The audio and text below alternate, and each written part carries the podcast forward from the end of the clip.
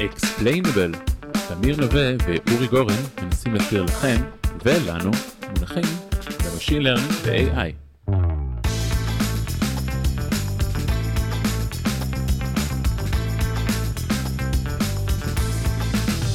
שלום לכולם, היום אנחנו נדבר על נושא ככה מאוד מעניין, מתמטיקה ככה כבדה למי שאוהב, מי שפחות ננסה להנגיש את זה לרמה יותר אה, פשוטה, ונדבר היום עם חגי מירון, שלום חגי, מה שלומך? אהלן, הכל טוב, שמח להיות פה. שמח uh, שהגעת, שמחים שהגעת, uh, אורי אהב uh, בהתחלה.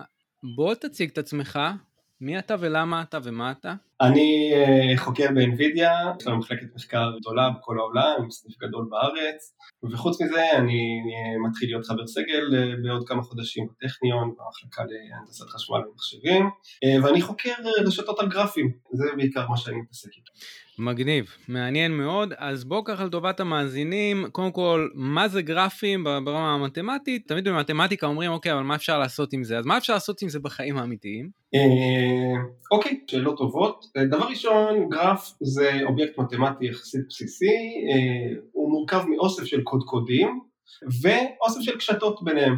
וזה נושא שיש תורה שלמה במתמטיקה שמתעסקת בלחקור כל מיני תכונות של האובייקטים האלה. אני אוסיף רק על דבריך את המושג ממושקל, כי זה רלוונטי גם לחיים האמיתיים. לפעמים לקודקוד יש אינפורמציה נוספת, איזשהו וקטור, פיצ'ר וקטור מידע, ולפעמים גם לקשת יש מידע, לפעמים אין, נכון? נכון מאוד, נכון מאוד. זה יכול להיות גרף שהוא, אנחנו קוראים לזה קומבינטורי לגמרי, זאת אומרת שיש רק קשתות ואין מידע, רק יש קשת או אין קשת, ויכול להיות לי איזה feature vector שמותאם לכל אחד מהקודקודים והקשתות. תכף אנחנו נראה דוגמה לזה. בעצם אה, בעולם האמיתי גרפים הם, אה, הם, הם אובייקטים אה, שאפשר לייצג איתם הרבה דברים חשובים. אז זה מתחיל ממולקולות, אוסף של אטומים עם איזה שהם חיבורים אטומיים ביניהם. במקרה הזה אפשר להגיד את סוג האטום לקודד כאיזשהו feature של קודקוד, נכון? או את סוג ה bond בין האטומים כאיזה feature של הקשת.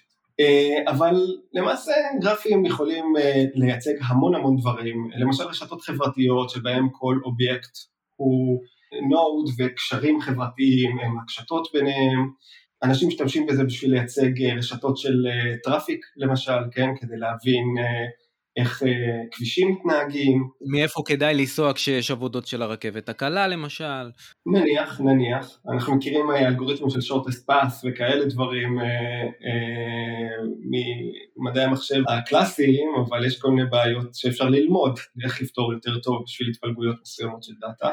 והיכולת לייצג אה, באמצעות גרפים דברים, בעצם ממשיך לכל מיני דברים שאולי אנשים פחות מכירים, אז למשל, אנשים אוהבים ב computer vision לייצג סצנות בתמונות, כן, כל אובייקט בתמונה הוא יהיה איזשהו קודקוד, הקשרים ביניהם יהיו בעצם קשתות, ואז אפשר לעשות איזשהו uh, יותר ברמה סמנטית על, uh, על מה שקורה בתמונה, לשאול שאלות וכולי. ואולי קצת טיפה פרסומת uh, עצמית, אנחנו השתמשנו בייצוג של רשת נוירונים כגרף, כן, אפשר להסתכל על אה, רשת כמו רזנט למשל, כגרף, ובנינו רשת של גרפים שעובדת על זה כדי לעשות כל מיני דברים, ספציפית עשינו את זה בשביל uh, Federated Learning, אז יהיה לינק למי שרוצה להסתכל, אני חושב שזה די חמוד. בקיצור, גרפים זה דבר גם מעניין מתמטית וגם סופר שימושי, כדי אה, לייצג דברים בעולם האמיתי. מגניב. אז בואו רגע נדבר על איזה משימות, זאת אומרת דיברנו על איזה database־ים יש, עכשיו מה, מה נרצה, איזה פרדיקציה נרצה, או איזה משימות אנחנו רוצים לפתור על גרפים, לדוגמה. אז יש אה, בעצם אה, שלושה prototype־ים של משימות כאלה. הדבר הראשון ואולי הכי מתבקש זה משימות קלסיפיקציה או regression על הגרף כולו. אני אתן דוגמה, אני לוקח מולקולה ואני רוצה לדעת האם היא אה, רעילה או לא. אז הדבר הזה הוא output שקשור לכל הגרף. זה סוג אחד של משימות. הסוג השני מוציא לי output קצת יותר uh, עשיר, קצת יותר structured, שם יש לי output לכל אחד מהנודס. אז uh, דוגמה די uh, נפוצה יכולה להיות רשת חברתית, שאני מכניס לתוך הרשת שלי, ואני רוצה שבאוטפוט יצא לי איזשהו אה, אה, מאפיין של כל אחד מהאנשים ברשת. זה יכול להיות גיל, זה יכול להיות כמה הוא רוצה לקנות איזשהו מוצר, זה יכול להיות כל מיני דברים אחרים. אז זה הסוג השני, אני בעצם מוציא מספר לכל קודקוד. הסוג השלישי הוא דומה לזה, הוא אומר אני רוצה להוציא מספר לכל קשת. הדבר הזה שימושי לכל מיני דברים מעניינים. למשל, אם יש לי גרף ואני לא בטוח שיש לי את כל הקשתות בתוכו, אני יכול לשאול האם קשת מסוימת היא שייכת לגרף או לא. דבר כזה יכול להיות שימושי כדי להציע חברים חדשים ברשתות חברתיות למשל. דוגמה אחרת, אולי קצת פחות מוכרת, זה רשתות של אינטראקציה בין uh, תרופות, שבהן יש לי כל קודקוד הוא תרופה, והאינטראקציות הן מיוצגות על ידי הקשתות, ואני יכול לשאול על זוג של קודקודים, סוג של תרופות שלא בדקתי עליהן, האם אני צופה שתהיה אינטראקציה או לא.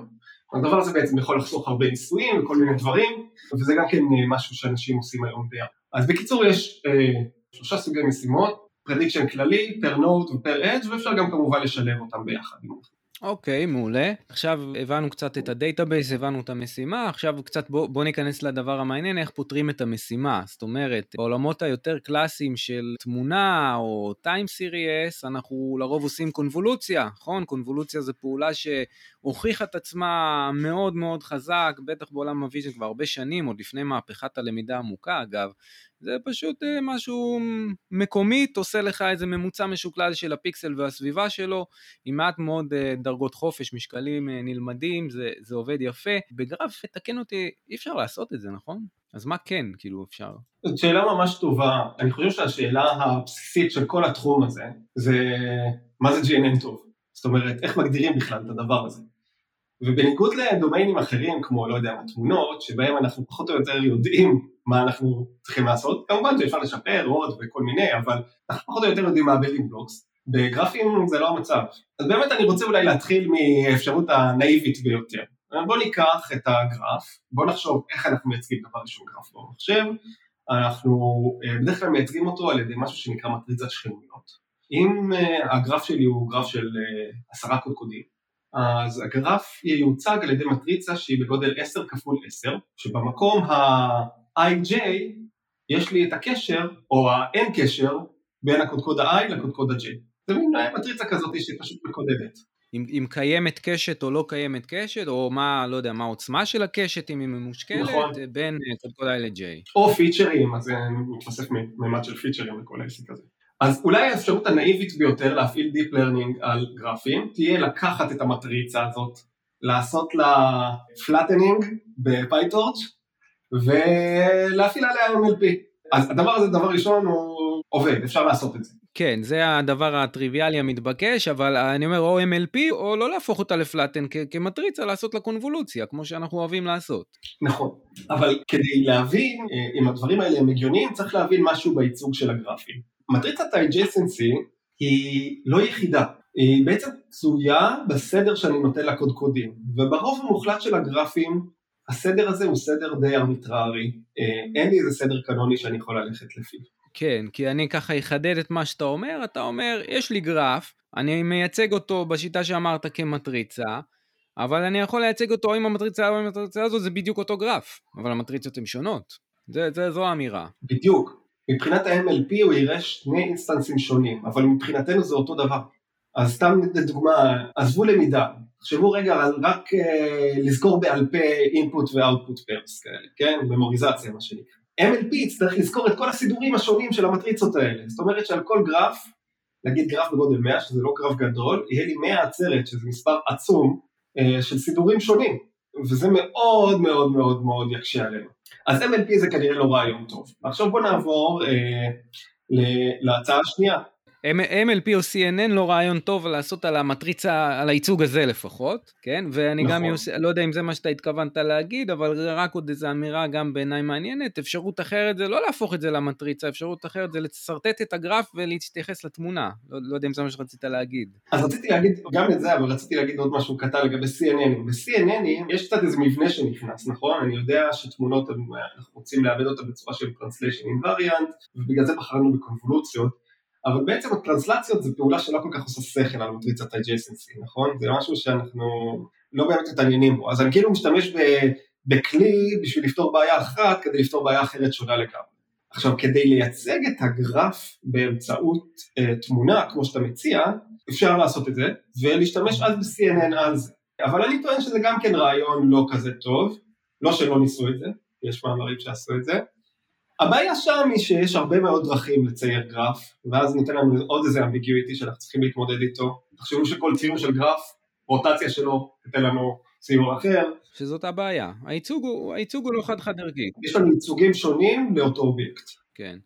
סבבה, אז, אז הבנו את, ה, את, ה, את ה basic, הבנו למה השיטה הרגילה לא עובדת, אז עכשיו באמת, השאלה המעניינת היא מה כן עושים, מה כן עובד, מה כן נהוג לעשות. נכון, נכון, נכון, וזה בעצם, כמו שאמרתי, זאת השאלה המרכזית בתחום. הדרך שבה אני אוהב להציג את זה, היא שכל קבוצה שהציעה איזה GNN, Graph Neural Network, באה מהמקום הזה של קונבולוציות אה, זה דבר סופר אה, שעובד סופר טוב על תמונות, ואיך אנחנו יכולים להכליל את הרעיון הזה לגרפים. בעצם אנשים באו עם uh, שלוש אפשרויות של לעשות את זה. שלושה... גישות. כן. אנחנו ננסה לזכור אותם uh, יחסית בזריזות, ולהבין ככה את האסנס של כל אחד מהם.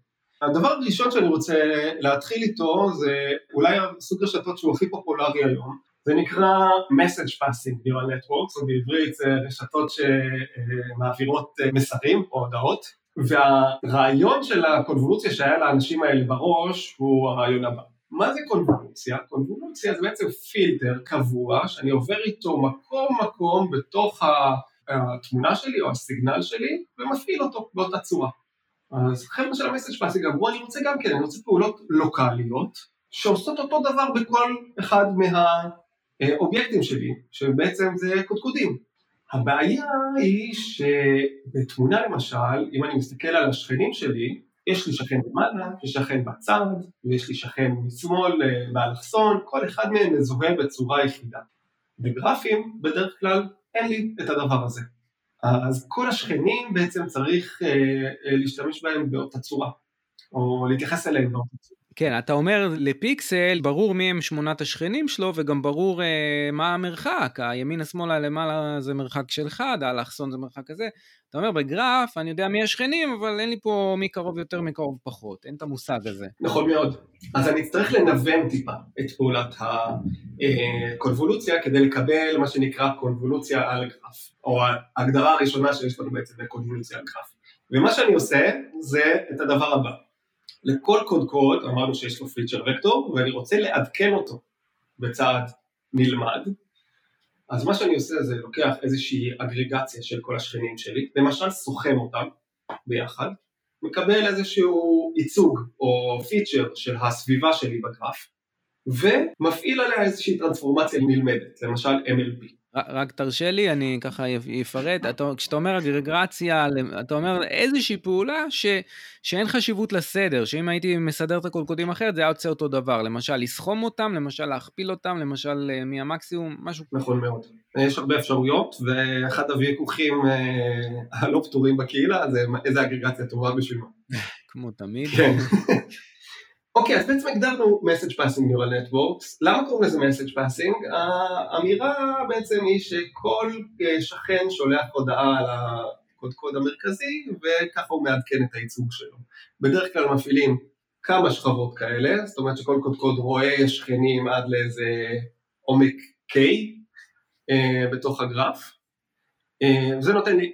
שזה מקביל, שזה, שזה מקביל לגודל ה kernel בקונבולוציה מרחבית רגילה בעצם. כן, נכון, זה, זה מקביל למה שכל פיקסל רואה אחרי שאני מפעיל כמה שכבות קונבולוציה.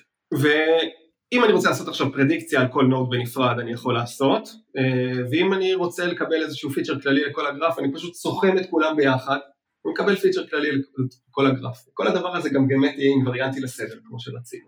ושאלה, שאלה, אתה אומר, המציאו פה איזה פעולה מתמטית חדשה שאוהבת את הגרף, הכניסה שלה זה הגרף כולו, והמוצא שלה זה, גם הגרף כולו בדיוק באותו מבנה, בדיוק באותו... נכון? אותו מספר קודקודים, אותם קשתות. נכון. כאילו התוצאה של הפעולה הזאת. תלוי בעצם בטאסק שאני רוצה לפתור, ה output הוא יהיה או global feature לכל הגרף, או feature לכל node בנפרד, או לכל edge בנפרד. אתה יכול לעשות עוד שכבות במילים אחרות, אבל השכבה הזאת, הפעולה הזאת, מקבלת גרף, מחזירה גרף, שזה אגב ממש דומה לקונבולוציה, מקבלת תמונה, מחזירה תמונה. נכון מאוד. אוקיי, מעולה, אז הדבר הזה נקרא uh, message pass. message passing. וזה אפשר להגיד הדבר הפופולרי ביותר. אם אתה עכשיו נכנס לתחום, רוצה להפעיל GNN, זה מה שאתה תיקח. אם יהיה לנו טיפה זמן אנחנו נראה שהרשתות האלה יש להם הרבה דברים טובים אבל יש להם גם מגבלות חמורות והמחקר הנוכחי ב-GNN מתעסק הרבה באיך לפתור את המגבלות האלה יכול להיות שזה יבוא באיזה פרק מתקדם יותר ולא בפרק הזה. נשמח. אוקיי, אז עכשיו אולי זה שלב טוב לעבור לדרך אחרת להכליל קונבולוציה, מתמונות לגרפים. הדרך הזאת היא טיפה ליותר עם פרטים מתמטיים, אני אנסה לעשות את זה לא כבד, ומי שרוצה לדבר על זה אני תמיד שמח. אז בעצם תכונה אחת שאנחנו יודעים על קונבולוציות, ומשתמשים בה בצורה מאוד ככה טובה, זה שקונבולוציות במרחב התדר הן הופכות להיות סתם מכפלה. נכון? יש את משפט הקונבולוציה המפורסם, לומדים בקורס ראשון באלגוריתמים בדרך כלל.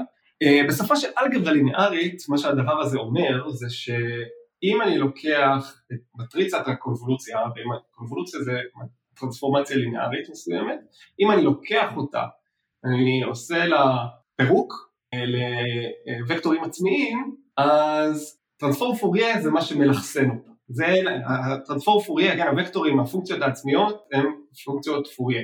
אוקיי, אז קיבלנו בעצם מהמשפט הזה איזה דרך אחרת, חדשה, להגדיר מה זה קונבולוציה. קונבולוציה זה דבר שהוא אלכסוני בתדר. אני חושב שלמי שלמד signal processing זה אולי ככה יעשה יותר איזה סדר בראש. תמיר, תגיד אם בא לך להוסיף איזה משהו על זה. קודם כל הייתי אומר דבר אולי יותר בסיסי, זאת אומרת, אתה אומר, אנחנו רוצים לעשות קונבולוציה בגרף, אנחנו יודעים שבמרחב האוקלידי הרגיל שלנו אפשר לחשב קונבולוציה על ידי הפעלת טרנספורם פוריה ושם פשוט לעשות מכפלה. אז אני שואל את השאלה, אז מה זה לעשות טרנספורם פוריה בגרפים? אז מה התשובה פה? נכון, מעולה. אז באמת, אנחנו לוקחים את ההגדרה הזאת, משהו שהוא אלכסוני בתדר, ומעבירים את זה לדומיין של גרפים, ואז צריך לשאול מה זה תדר בגרפים, מה זה טרנספורם פוריה בגרפים, בדיוק כמו שתמיר שאל. לשמחתנו הרבה, מתמטיקאים עבדו על הדבר הזה, ויודעים להגדיר טרנספורם פוריה לגרפים. אני לא רוצה להיכנס יותר מדי לעומק לאיך מגדירים את זה, זה יפה ואלגנטי, אבל כנראה לא לפה. אבל הרעיון הוא שלוקחים אובייקט, טרנספורמציה ליניארית שנקראת על הפלסיאן של הגרף, הפירוק של הלפלסיאן הזה לוקטורים עצמיים, אפשר להגדיר אותו כטרנספורם פוריה של הגרף. אז, אז בוא באמת, לא, לא, אולי למתמטיקה לא ניכנס, אבל בסוף אנחנו כולנו אנשי קוד ואנשי פרקטיקה. בוא, אני עכשיו רוצה לממש קוד שעושה לפלסיאן על גרף. מה אני עושה? מה, מה, מה האבן יסוד ש, שקורית שם? זה ממש פשוט, זה ממש פשוט, זו שאלה טובה. יש לי בדרך כלל את המטריצת ה-adjacency, השכנויות שלי, מטריצה n על n. הפלסיאן יהיה פשוט מטריצה שקוראים לה D. D זה מטריצה שיש לה לחסום את הדרגה של כל קוד קוד. פחות השכנויות, כן? פשוט D פחות A. D, D, זה, D זה מטריצה אלכסונית שאומרת קוד קוד קוד כמה שכנים יש לו, ו-A זה אותה מטריצה שמייצגת את ה... מי, מי שכן של מי, אוקיי. אוקיי. אז בוא ננסה לחשוב מה הדבר הזה אומר. אם אני לוקח איזושהי פונקציה על הקודקודים ומפעיל עליה את הטרנספורמציה הזאת, אז זה אומר אני מכפיל את עצמי בדרגה שלי, ומחסר את הערך של כל השכנים. הבנתי, זאת אומרת, אני קודקוד, יש לי 17 שכנים, אז אני עושה 17 פחות מספר השכנים של כל אחד מה-17 שכנים שלי, אמרתי נכון? לא מספר השכנים, אלא הערך של הפונקציה על כל שכן. אוקיי, אוקיי. אז אפשר לחשוב על זה כסוג של לפלסיאן. הוא בודק את ההבדל ביני לבין השכנים שלי, או לבין הסביבה שלי, וזה בדיוק מה שלפלסיאן אוקלידי גם עושה. כן, לפלסיאן באמת בעולם התמונה קל להסביר את זה, לפלסיאן הוא, הוא מחדד לי את התמונה. אז אתה, איך הוא מחדד? הוא עושה בעצם איזשהו סוג של, אני אומר את זה ככה בנפנוף ידיים, קצת איזשהו הפרש בין מי אתה לבין, אני מגביר אותך ומקטין את השכנים שלך, ואז מדגיש את הקונטורים בתמונה, מדגיש את המחדד יותר את זה. אתה אומר אותו דבר נכון, נכון. בגרף, בגרף, קוד קוד קוד עושים את זה, איך הוא לעומת השכנים שלו. אז זה האבן יסוד, נכון? זו הפעולה הבסיסית, שבעצם זה על הפלסיאן על הגרף. אם יש לנו את זה, אז גם אפשר, בדומה למרחב האוקלידי המוכר, להגדיר טרנספור פוריה, ואם יש לנו את זה, אז בדומה לה, להגדרת הקונבולוציה, עשינו פוריה, נעשה מכפלה, זו קונבולוציה בגרף המקורי, במשבור הספטיאלי. אמרתי נכון פחות או יותר? אמרת נכון, אני רק אדייק דבר אחד קטן. מה הפרמטרים הנלמדים בתוך כל העסק הזה? אז האלכסון, נכון, אנחנו לומדים אה, אה, טרנספורמציה שאנחנו יודעים שהיא צריכה להיות אלכסונית במישור התדר, זה אומר שאני הולך לקחת איזושהי, ללמוד פרמטרים על אלכסון של איזושהי מטריצה ולהצמיד אותה במטריצת וקטורים עצמיים שלנו. שזה כמו להגיד, זה כמו ללמוד מי יותר חשוב, מי פחות חשוב בשכנים שלי, של הקודקוד. לא יודע אם הייתי אומר את זה דווקא ככה. הוקטורים העצמיים של הלפלסיאן יש להם אה, אה, איזשהו יותר אה, משמעות גלובלית מאשר לוקאלית. אה, כמו שנחשוב על וקטורים, על טרנספורם פוריה, על תמונה, נכון, אנחנו יודעים שזה כל מיני תדרים בכל מיני כיוונים, כן. במקרה הדו-ממדי. אז גם בגרף זה פחות או יותר ככה. להגיד משהו לוקאלי מהספקטרום של הגרף זה קצת יותר מאתגר. אז איך אתה, ברמת האינטואיציה, המשקלים הנלמדים, מה הם? יש פה איזה משהו שאפשר להגיד ברמת האינטואיציה, או שזה אמורפי מדי? כן, זה הנחתה, הנחתה והגברה של רכיבי תדר מסוימים. ומה זה, ומה זה רכיב תדר? מה זה רכיב תדר בגרף? בתמונה אנחנו יודעים, זאת אומרת, אפשר להסביר את זה, אבל מה זה בגרף רכיב תדר? שאלה טובה, ובעצם אם אנחנו נצייר קצת גרפים ונסתכל על הטרנספורם פוריה שלהם, אנחנו נראה שבדומה לתמונה יש אוסילציות עם תדרים הולכים וגדלים, אה, שבעצם הפונקציות פוריה האלה מייצגות. אז כמו שיש לי תדר ממש כמו שבתמונה, אז גם בגרפים יש לי משהו מאוד מאוד דומה לזה. אה, אנחנו נוסיף איזה לינק כדי שתראו דוגמה. אוקיי, אוקיי, זה יהיה מעניין אני חושב. אוקיי, סבבה, אז אתה, אז אני ככה עושה איזשהו סיכום, אתה אומר, אה, בעולם הגרפים אה, ניסינו לקחת השראה מהקונבולוציה שעובדים טוב במרחב אוקלידי, עם אה, המצאה אחת נחמדה זה מסאג' פאסין, המצאה שנייה זה ספקטרל, שזה קצת לעשות התמרת פוריה על גרף, מה עוד יש לנו? אז אה, יש עוד שתי שיטות שאני רוצה להזכיר. השיטה הראשונה היא אה, מה שנקרא שיטות אקוויווריאנטיות, נשמע קצת אה, שם מפוצץ, אבל לא. וזה עוד דרך להגדיר קונבולוציה. אז החבר'ה שעובדים בכיוון הזה אומרים, מה זה קונבולוציה? שימו לב שבכל אחד מהדברים שעשינו עד עכשיו, הגדרנו מה זה קונבולוציה, ואז ניסינו להעביר את זה לדומיין של גרפים. אנחנו עושים את זה שוב. החבר'ה האלה אומרים, קונבולוציה זה טרנספורמציה שהיא לינארית והיא מתחלפת עם הזזות, הזזות של התמונה. טרנסלציה, שזה דבר שאנחנו מכירים, כן. מי שעובד עם תמונות אומר, יש לי תמונה של אה, חתול בפינה שמאלית עליונה של התמונה, אני מעביר קונבולוציה, אני אקבל גם תמונה שגם שם בפינה שמאלית עליונה יש איזשהו חתול מפורטר, זאת אומרת, זה לא, זה, זה מה שנקרא אינווריאנטי לטרנסלציה, להזזה. נכון, אני רק אדייק טיפה, זה נקרא אקוויווריאנטי. אז מה ההבדל בין אינווריאנטי לאקוויווריאנטי? אינווריאנטי אומר שאם אני מפעיל איזושהי טרנספורמציה זה לא משנה את ה output. אקוויווריאנטי אומר שאם אני משנה משהו בכניסה של המערכת אז גם ה output ישתנה באותה צורה. ולמעשה קונבולוציה זה אופרטור שהוא translation equivariant. נכון? אם אני מזיז את התמונה ומפעיל זה כמו להפעיל ולהזיז. אה, הרבה פעמים מציירים גרמות כאלה. אוקיי, אז מה, מה כל הקשר של הדבר הזה לגרפים בעצם? אז טרנסלציות זה משהו שאנחנו חושבים עליו כטרנספורמציות שאני לא רוצה לראות ב-CNN בעצם. בגרפים יש לי טרנספורמציות אחרות שאני רוצה להתעלם מהן. הטרנספורמציות האלה הן בדיוק הסידור מחדש של הקודקודים. אני רוצה להיות עיוור לזה בעצם. מעניין מאוד מה שאתה אומר, אני אגיד את זה במילים שלי, ככה זה יכול לפעמים לעשות סדר גם למאזינים. אתה אומר, בעולם התמונה, אני רוצה לזהות אם בתמונה שלי כלב או חתול, אבל אם הוא זז קצת ימינה או שמאלה, זה לא אמור להשפיע על ההחלטה שלי. זה עדיין כלב או זה עדיין חתול. ואתה אומר בגרפים, אם יש לי גרף שמייצג את ה... לא יודע מה, את, אה, את רשת האינטרנט, או איזה, לא משנה, איזושהי רשת שמייצגת מידע אמיתי, אם החלטתי לקרוא לקודקוד הזה 1 ולזה 2 ולזה 3, או החלטתי לקרוא לו אחרת, זה לא אמור לשנות את התוצאה של הרשת. אני רוצה אינווריאנטיות לעניין הזה. נכון מאוד, נכון מאוד. זאת דוגמה פרטית, הייתי אומר, פרדיגמה כללית מאוד יפה ושצוברת פופולריות בשנים האחרונות לאיך אה, לתכנן רשתות בהתאם לטרנספורמציות שאנחנו לא מתעניינים בהן בדאטה. וזה גם תחום שאני עובד עליו די הרבה. זה, זה תחום מרתק, הוא כולל גם אה, שיקולים טכניים של תכנון ואימפלמנטציה, גם של למידה וגם של אלגברה.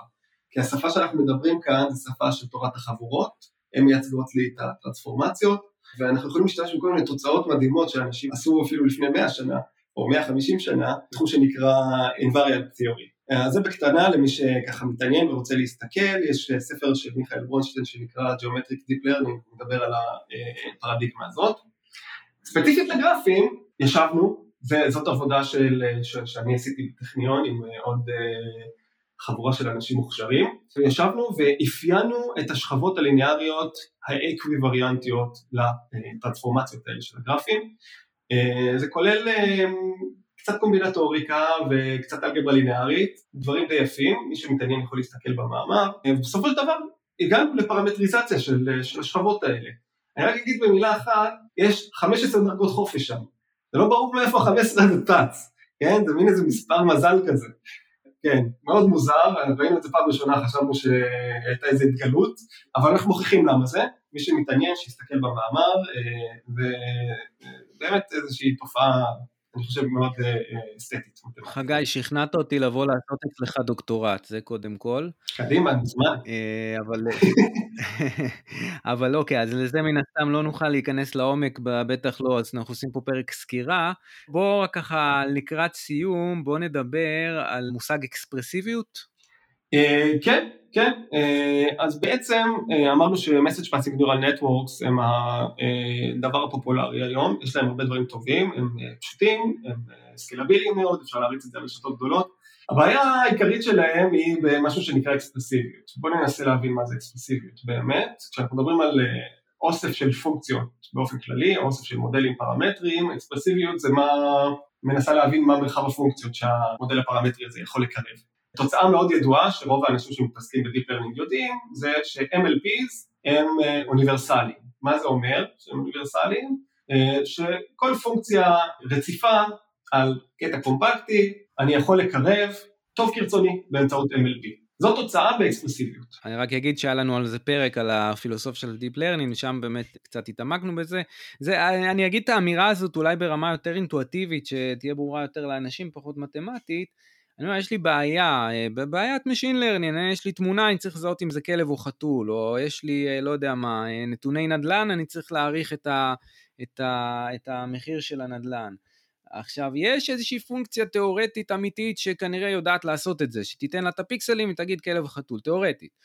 אנחנו לא חיים בתיאוריה, אנחנו חיים בברזלים, במחשבים, צריכים לכתוב אה, איזשהו מודל שמקרב את הפונקציה התיאורטית הזאת, שהיא צודקת ב-100%, אנחנו נצדוק ב-99%, שאלה כמה אנחנו יכולים בכלל, אם אנחנו רק לינאריים כנראה שלא נצליח, כי אין קשר לינארי בין פיקסלים לבין חתול כלב, אז כמה נצליח? אז, אז, אז באמת אה, התוצאה שדיברת עליה אומרת, רשתות CNN יכולות לקרב, זה ככה בקצרה, אז בוא תמשיך. אמרתי על זה, על MLPs, זה נכון שגם CNNים יש להם את התכונה הזאת תחת כל מיני.